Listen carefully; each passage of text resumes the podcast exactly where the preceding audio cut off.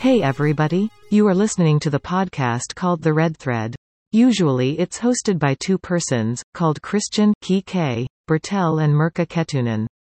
They usually do this podcast in Swedish. You can try to look them up on SoundCloud and Facebook by typing in the Swedish name of this podcast, Den Röda Tråden. Which means the red thread in Swedish. This is a podcast about trivia and stuff that the two hosts find interesting, ranging from history, geography, science to all sorts of trivial facts. But since this episode is purely about AI, machine learning and deep learning we the AI voices have already taken over. Hope you enjoy this episode, even if our voices are a bit flat and dry. Okay, let's get started. I'm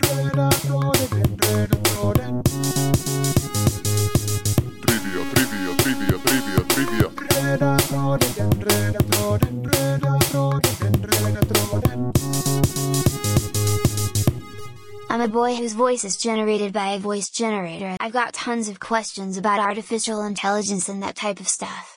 So, let's start.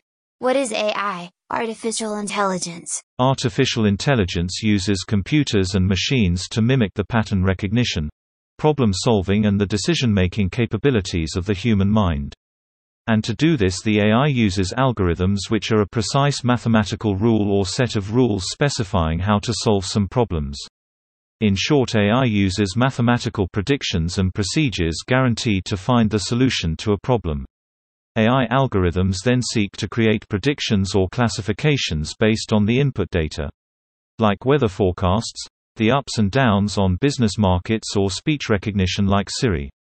Different versions of AI can also be used in customer services to answer frequently asked questions or provide personalized advice. AI is also being used in self-driving cars and sorting out mail and packages for the postal services is just a few examples. Here's some important dates in the history of AI. 1997 is the year when IBM's Deep Blue chess computer beats then world chess champion Garry Kasparov, in a chess match and rematch. 2015, the Chinese company Baidu's Minwa supercomputer uses a special kind of deep neural network called a convolutional neural network to identify and categorize images with a higher rate of accuracy than the average human. Similar techniques can be used at facial recognition and surveillance of people. And in 2016, DeepMind's AlphaGo program beat the world champion Go player, in a five-game match. Go is a board game for two players in which the aim is to surround more territory than the opponent with black and white pieces called stones. It looks a bit like chess, but all pieces are similar small UFO-looking stones. DeepMind's victory in the Go game is significant given the huge number of possible moves as the game progresses. Any guess how many possibilities there are? Well, there are over 14.5 trillion after just four moves. So artificial intelligence is a bunch of smart computers making assumptions and interpretations on the physical world, right? Well, here's what computer developer IBM has to say about your questions. First off, there are different types of artificial intelligence. They are called weak AI versus strong AI. So what is the difference between them, then? Well, weak AI, also called narrow AI or artificial narrow intelligence, for short, ANI, is AI trained and focused to perform specific tasks. Weak AI can be found in our near environment, since it drives most of the AI that surrounds us today. Narrow, might be a more accurate descriptor for this type of AI, since it is not actually weak, but just more focused and narrow. Here's an example where you can find it. Artificial narrow intelligence enables some very robust applications, such as Apple's Siri, Amazon's Alexa, IBM Watson, and autonomous vehicles to operate. Strong AI on the other hand is made up of artificial general intelligence. And the abbreviation for that is AGI and Artificial Super Intelligence, ASI. Let's look at AGI then, shall we? Artificial General Intelligence, AGI, or as it's also called, General AI, is a theoretical form of AI. The idea is that a machine would have an intelligence equal to humans. It would have a self-aware consciousness that has the ability to solve problems, learn, and plan for the future. This artificial superintelligence, ASI, is also known as superintelligence, and sad but true, would surpass the intelligence and ability of the human brain. While strong AI is still entirely theoretical with no practical examples in use today, that doesn't mean AI researchers aren't also exploring its development. The best examples of ASI might be from science fiction, such as HAL, the superhuman, rogue computer assistant in the film 2001, A Space Odyssey by Stanley Kubrick. Whoa, how nice that you should mention Kubrick, since there's a movie called AI by Steven Spielberg, that actually Stanley Kubrick initially started to develop. What's the story behind that movie then? AI Artificial Intelligence also just known as AI is a science fiction drama film both written and directed by Steven Spielberg. It was released in 2001 and it's based on a screen story by Ian Watson. He on the other hand based his story on the 1969 short story, Supertoys Last All Summer Long, by Brian Aldiss. That original story from 1969 was first published in the Harper's Bazaar's UK edition. That story deals with humanity in an age of intelligent machines, where people are lonely yet live in an overpopulated future where child creation is controlled. But let's get back to the Spielberg movie called AI. The story is being told by AI, the robot boy David. He's a childlike android uniquely programmed with the ability to love. Producer-director Stanley Kubrick started developing the AI movie story after having acquired the rights to Aldiss' story in the early 1970s. Kubrick kept working on that story and hired different screenwriters up until the mid-1990s. He even hired the original author Brian Aldiss among others. The film AI was in the so-called pre-production hell for years, partly because Kubrick felt computer-generated imagery was not advanced enough then to create the David character. Kubrick's idea was that no child actor would convincingly portray David the robot boy. However, in 1995, just four years ahead of his death, Kubrick handed the AI project to Spielberg, but Spielberg did not start working on the film until Kubrick's death in 1999. Spielberg remained close to Watson's film treatment for the screenplay. Since we just talked about filmmaker Stanley Kubrick's film 2001, we might as well also mention another film where humanoid robots features as a sort of protagonists. I'm sure you all heard of Blade Runner, right? That's right. Director Sir Ridley Scott's film Blade Runner is about synthetic humans called replicants. The film is an adaptation of Philip K. Dick's 1968 novel Do Androids Dream of Electric Sheep. These synthetic entities known as replicants are bioengineered robots designed to look like a human beings or animals. Often they are made from a flesh-like material. Recent advances in robot technology now allow the design of functional and quite realistic-looking humanoid robots. Just a fun fact, the term, android, is used in reference to human-looking robots in general. But a robot with a female appearance can also be referred to as a gynoid. Have you ever heard that term? Gynoid? And as for the term replicant used in the Blade Runner movie, here's how that name came to be. As the screenwriter David Peoples was rewriting the screenplay, he asked his daughter, who was involved in microbiology and biochemistry what to call the humanoid robots. She then suggested the term replicating, the biological process of a cell making a copy of itself. That then became replicant. So now you know where the word replicant first appeared. Hasn't the British, Nobel Literature laureate, Kazuo Ishiguro also written a story about a robot companion? The book is called Clara and the Sun. What's the story behind that then? Brilliant observation. Author Kazuo Ishiguro has written a book about a synthetic human. In Clara and the Sun, which by the way is the first novel Ishiguro published since winning the Nobel Prize in Literature in 2017. In the book Clara and the Sun the replicant narrator is trying to understand the line between her human and robotic selves and how she is dependent on the nourishing of the sun. The protagonist android, Clara, is an artificial friend, or AF, designed to attend to the needs of teenagers. She is basically a confidant and handmaiden hybrid. Clara's life changes in more ways than one when a middle-aged woman purchases her for Josie, her thin, chronically ill daughter.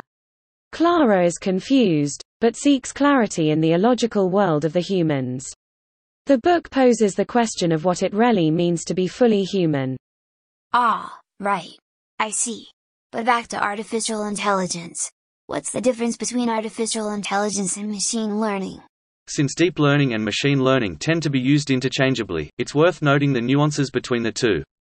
Both deep learning and machine learning are subfields of artificial intelligence, and deep learning is actually a subfield of machine learning. Here's a visual image that explains the correlations between them. Now, imagine you have three circles with space in between them. Can you see them? Good. Then imagine the outer circle being the artificial intelligence. The next, middle circle is the level of, machine learning. And finally the inner circle is called deep learning. That's a simple image of how they are connected. Artificial intelligence, machine learning, and deep learning. But what does all this mean? Classical, or non-deep, machine learning is more dependent on human intervention in order to learn. Human experts determine the hierarchy of the machine learning and that usually requires more structured input data in order for the computer to learn. Early chess computers had been programmed with chess rules and probably lots of different set strategies. So now to the next level then. The way in which deep learning and machine learning differ is in how each algorithm learns. Deep learning automates much of the process, eliminating some of the manual human intervention required in classical machine learning as mentioned before. This automation in deep learning enables the use of larger data sets. Deep machine learning can deal with supervised learning. But it doesn't necessarily require a labeled dataset.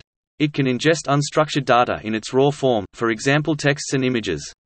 And deep machine learning can automatically determine the hierarchy of features. It can distinguish different categories of data from one another.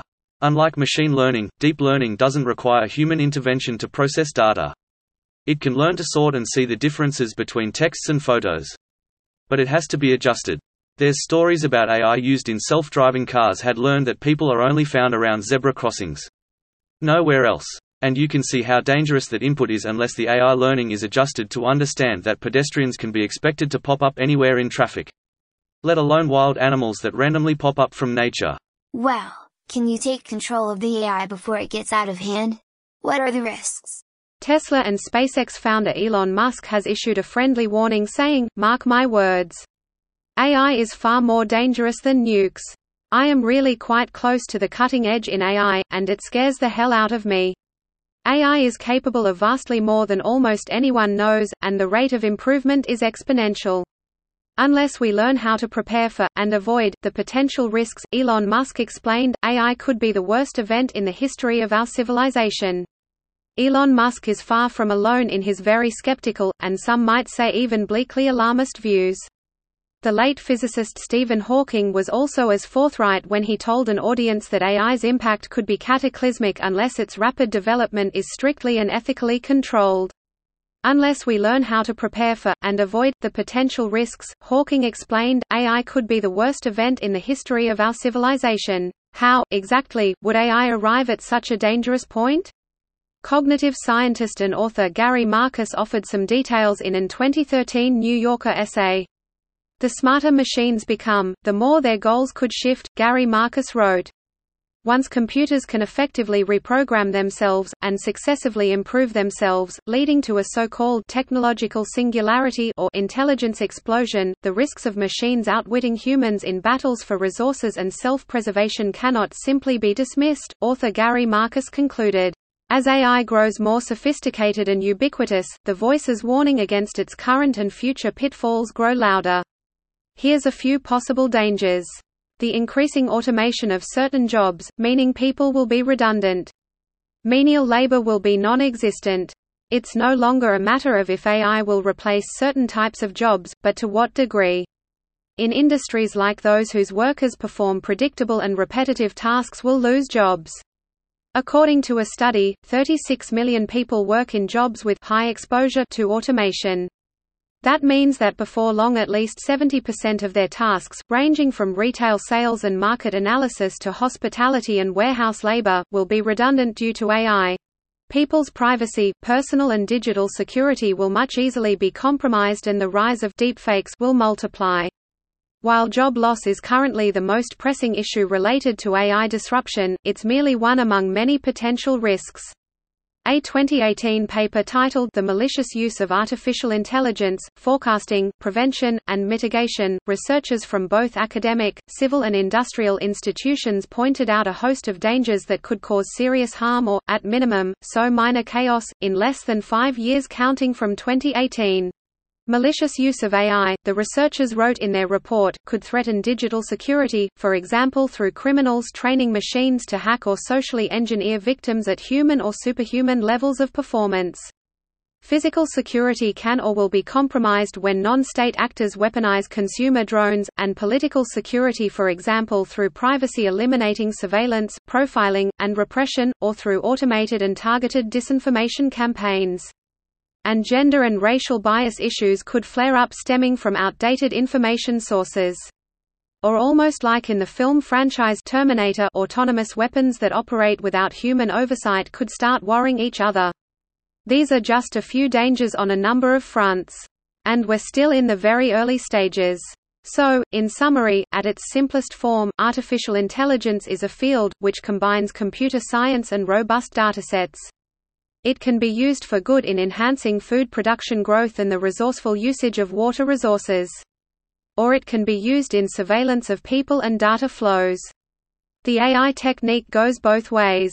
Therefore ethical issues concerning AI need to be discussed and regulated on in the AI race between USA and China. Okay, a final question. Can AI be funny? Do we have humor? I mean, we can't even laugh naturally, right? Ha ha ha ha ha ha ha. Well, aren't you a tyke, AI boy? Let's see if you think this is funny. Adam was walking through the Garden of Eden feeling very lonely, so God asked him, What's wrong, Adam? Adam said he didn't have anyone to talk to. God thought for a minute and then said that he was going to make him a companion and that it would be called Wonderful.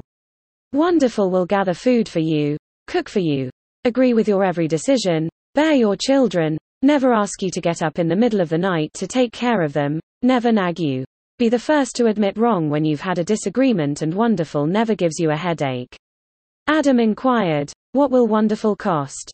God replied, An arm and a leg. Then Adam asked, Well, then, what can I get for? Just one rib. Trivia, trivia, trivia, trivia, trivia. Alright, that's all for now. Hope you got all the way through this podcast and got something out of this voice generated episode.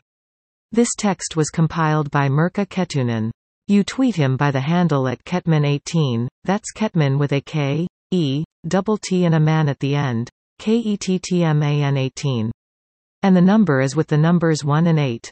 And Christian Bertel has got Twitter handle at KIKS Bert. That's K-I-K-S, Bert. Check out us on SoundCloud or Facebook by typing in Den Röda Tråden. There are more episodes in English. Okay, stay safe.